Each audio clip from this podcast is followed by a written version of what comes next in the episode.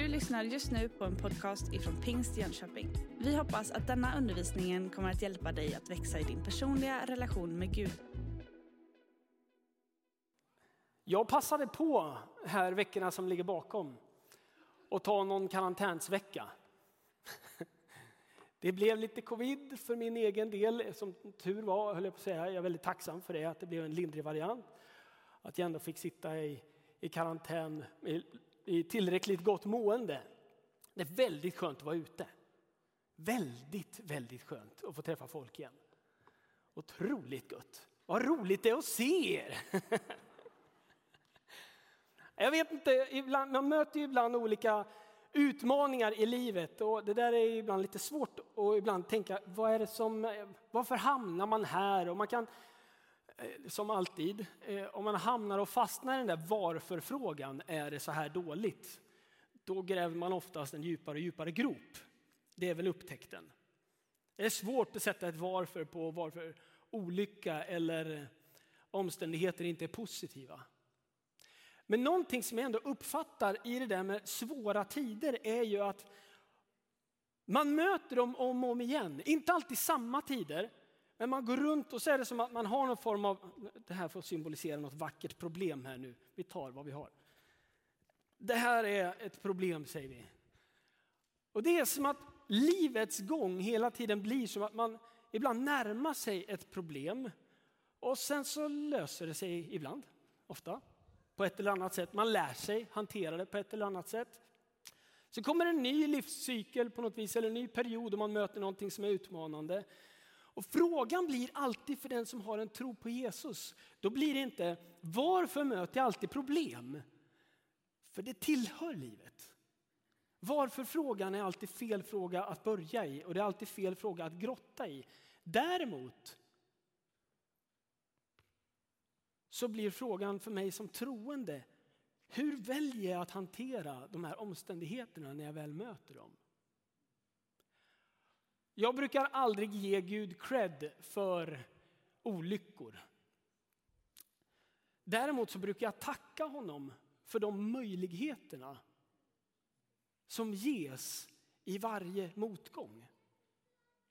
Möjligheten som om och gång uppenbaras för mig att jag får än en gång nästan tvingas ner på knä. Antingen mentalt eller fysiskt på riktigt i bön. För att jag förstår att jag inte klarar av den här saken på egen hand. Jag klarar det inte, vi klarar det inte. Vad gör motgången med mig? Jag tror att återkommande så behöver man tänka att det där problemet ger mig alltid en möjlighet att närma mig Gud. För om varje motgång istället kan mötas med att se möjligheten i det tuffa så hittar jag en väg som kristen att möta motgång, inte på egen hand utan tillsammans med Gud. Det är ju inte Gud som är problemet. Och den här bilden när jag ställer fram den här kan ju bli obvious så att det missuppfattas. Men jag ger, väl, jag ger inte Gud cred för olyckor. Däremot så ser jag att mitt i problemet så verkar Gud vara väldigt medveten om att vilja ha kontakt med mig. Och kanske är det också så att jag blir mer och mer öppen för att närma mig Gud i det svåra. Jag tänkte läsa några bibelord och ni ska få tre stycken på raken här, de första tre. Från psalm 73 och 26. Min kropp och mitt mod må vika, men jag har Gud. Han är min klippa för evigt. Andra Timoteusbrevet kapitel 1 och vers 7.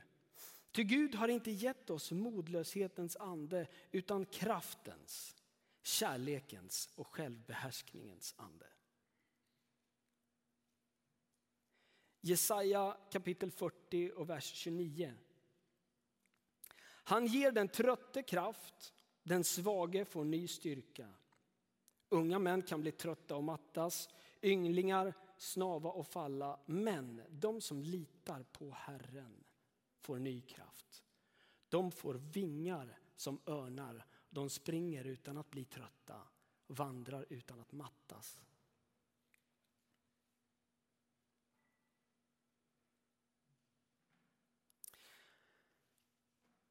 Vi tar ett bibelord till ifrån Saltaren 121 och vers 1 5.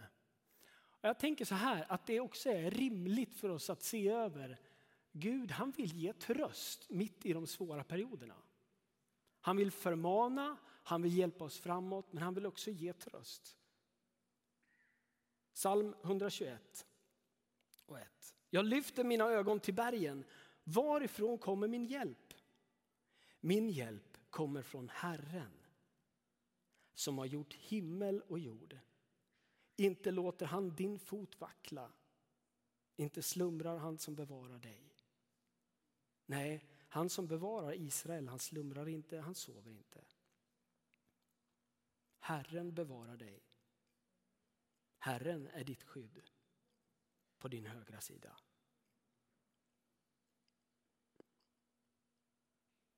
Apostlagärningarna 9 beskriver just hur församlingen genom andens hjälp växte.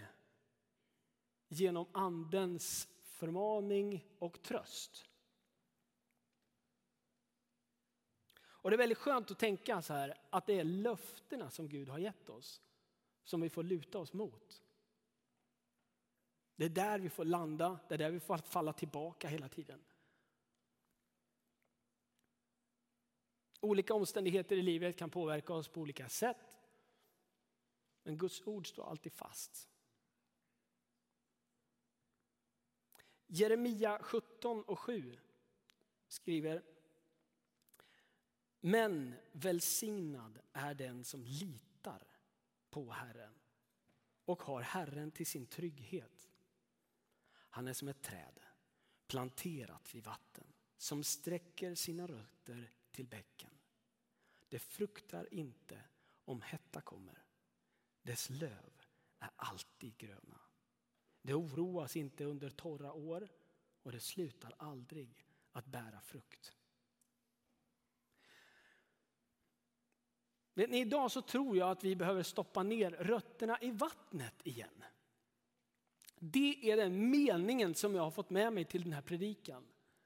Det är dags att stoppa ner rötterna i vattnet igen. Och den här bilden den landade hos mig när jag för några dagar sedan satt och tittade på något liknande.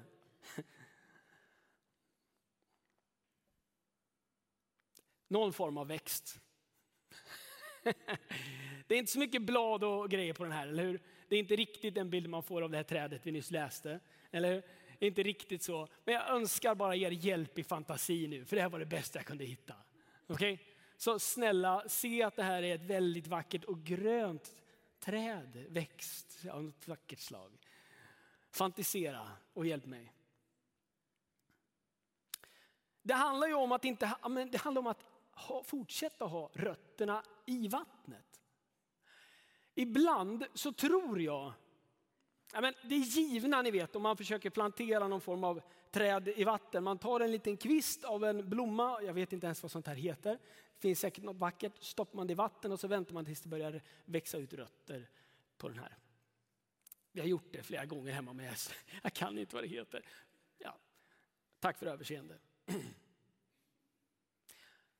Efter ett tag, om man inte ser över och fyller på med vatten i krukan, i behållaren, då så sjunker vattnet tack vare att den här växten suger åt sig. Och efter ett tag då kan det nästan hamna i det här läget. Att det, det har sjunkit undan, det skapas en distans mellan växtens rötter och vattennivån. Och för att växten ska klara av det där, då måste man alltid fortsätta att sträcka sina rötter mot vattnet. Och likadant är det i vår tid, i vårt liv. Som kristna så måste vi fortsätta. För ibland så får vi ändå erkänna att omständigheterna förändras. Och jag fick en bild inför den här gudstjänsten att det är några stycken, tror jag, ingen aning om vem, Men jag tror att det finns så här, några som har hamnat i ett läge att du hade en god vana. Du hade hamnat i ett läge där du var i vattnet. Men längs med tiden så har dina omständigheter förändrats. Det har gått en tid och det har skapats en distans mellan dina rötter och vattnet. Du har hamnat i ett läge där de gamla vanorna som du har haft tidigare inte riktigt blir applicerbara för nuet. Det kan handla om att du var, Ehm, du kanske var tonåring, du kanske var ungdom, du kanske var singel, du kanske var nygift. Sen förändrades omständigheterna. Du kanske var småbarnsförälder och det var givet för dig att haka på när barnen var i kyrkan, då var du också i kyrkan. Men omständigheterna förändrades. Och när läget förändrades så räckte inte de där vanorna som du hade sedan tidigare det går inte riktigt ihop längre. Och jag tror att den här lilla bilden är en hälsning till någon eller några. Att det är dags att stoppa ner rötterna i vattnet igen. Och för att göra det så kommer du att behöva byta läge.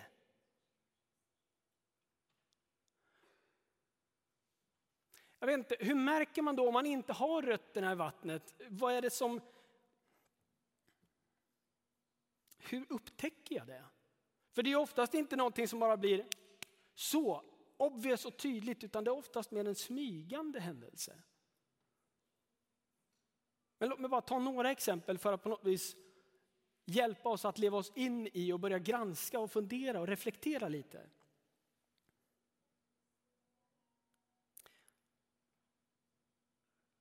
Jag skulle säga att till en början så märker man inte så mycket.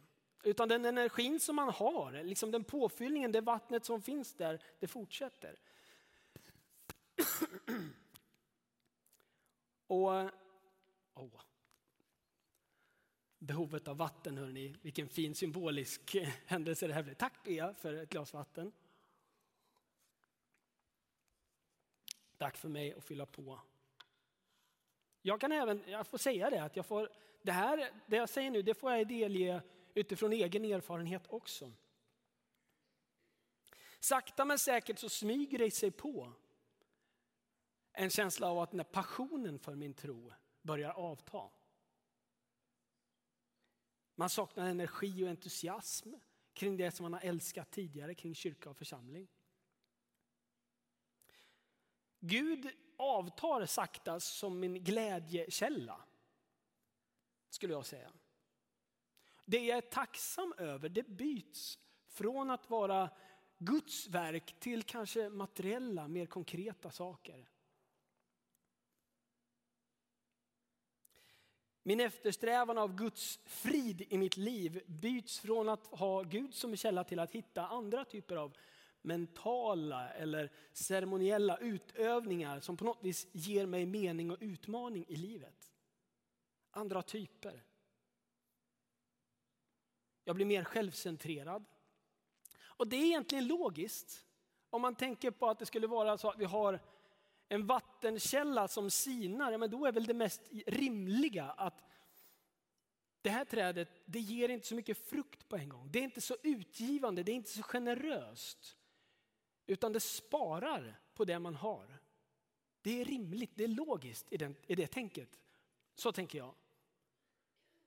Så därför kanske man inte blir lika generös och utgivande som man har orkat eller velat vara tidigare. Min längtan efter Bibel och Guds ord kanske byts ut till mera lättillgängliga citat eller reportage eller filmer.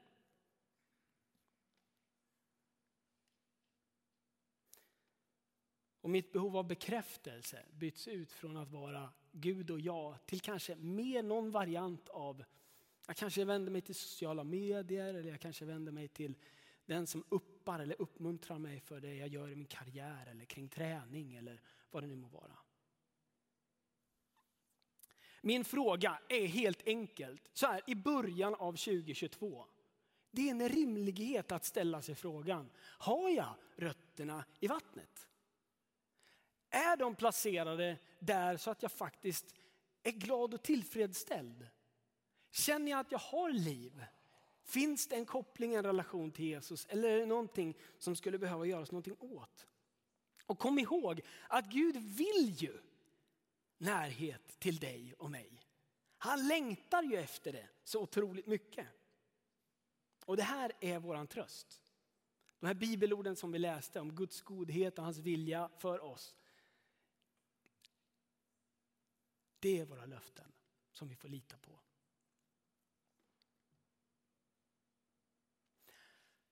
Paulus. Paulus han var en man. Det var han, han var en man. Eh, som hade en god karriär. Hans ledarskap var uppskattat. Människor runt omkring honom verkar eh, uppskatta det drivet han har, att få saker och ting att hända. Även fast alla inte var glada över det han gjorde, alltid. Han var nämligen en av dem som var med vid det tillfället då en av de första lärjungarna och en av de absolut frimodigaste, de första martyren Stefanos, blev stenad till döds. På knä under orden Herre, straffa dem inte för den synd som de nu gör. Ungefär. Paulus hade för avsikt att fängsla så många han kunde av de kristna, eh, de första kristna. Man kallade det gänget som hade liksom börjat tro på Jesus Kristus som frälsare och Gud, som Messias. Man kallade det gänget för den vägen. Det var de, den vägen. Och Paulus han var ju, vi, lä, vi, låter, vi, vi läser att han andades hot och mordlust, står det i Apostlagärningarna 9. Han andades hot och mordlust mot de kristna. Och han bad till och med översteprästen i Jerusalem att när han skulle resa till Damaskus, kan jag få med mig ett brev till synagogorna i Damaskus? Och det fick han. Och i brevet så stod det att han fick tillåtelse att ta med sig alla de han hittade som tillhörde den vägen, de kristna alltså, tillbaka till Jerusalem för att fängslas. Han var på jakt efter alla dem han kunde hitta. Och på väg till Damaskus så händer följande. Vi läser ifrån Apostlagärningarna kapitel 9 och vers 3. Det är en bra bit läsning nu, så häng på.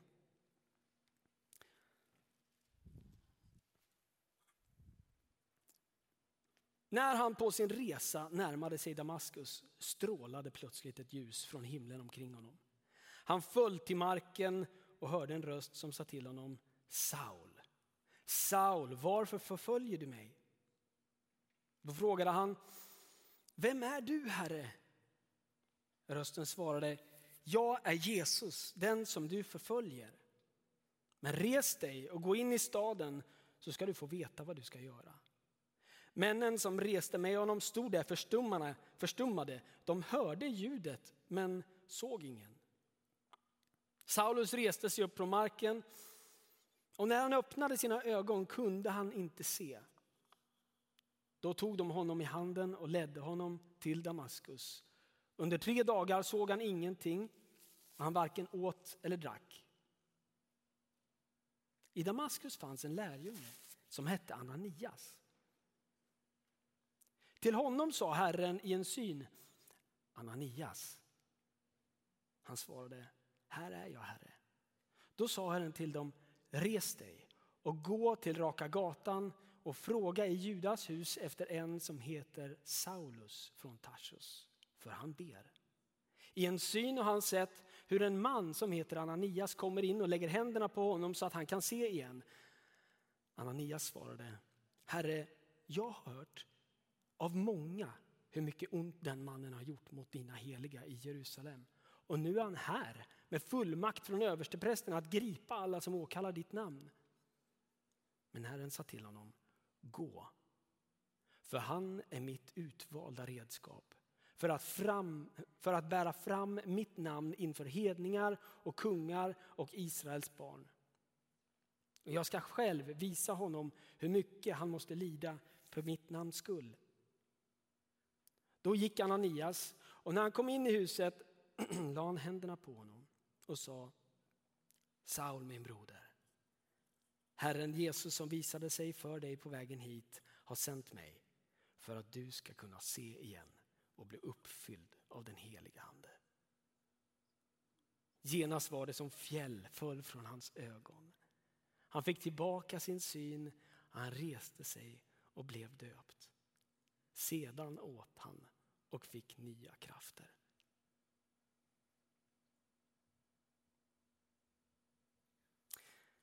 Paulus han trodde att han gjorde det rätta.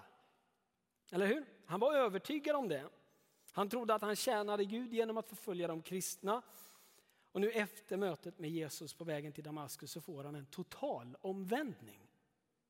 Han skakas om och blir övertygad om att Jesus lever. Vi kan läsa i verserna direkt efter att han börjar predika direkt i synagogorna om att Jesus är Messias. Varför läser jag då det här för dig idag? Jo, det är för att jag vill berätta för dig att Jesus han är på jakt efter dig.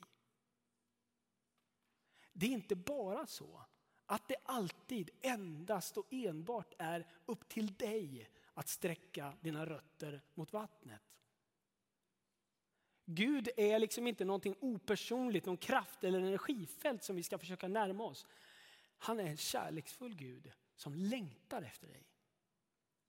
Och för Paulus blev det ju så mirakulöst, bombastiskt när, när han mötte Paulus, när, när Jesus mötte Paulus. Och jag vill bara berätta för dig att du är lika älskad som Paulus är. Gud han söker efter dig. Och han längtar efter att få fortsatt relation med dig. När du och jag liksom väljer att överlåta oss till honom på nytt så öppnas det nya dörrar, nya vägar till ett spännande liv med Jesus. Som leder till att människor får lära känna honom. Du har just lyssnat på en podcast ifrån Pingst Jönköping. För att få reda på mer om vilka vi är och vad som händer i vår kyrka så kan du gå in på pingstjonkoping.se eller följa oss på sociala medier via pingstjkpg.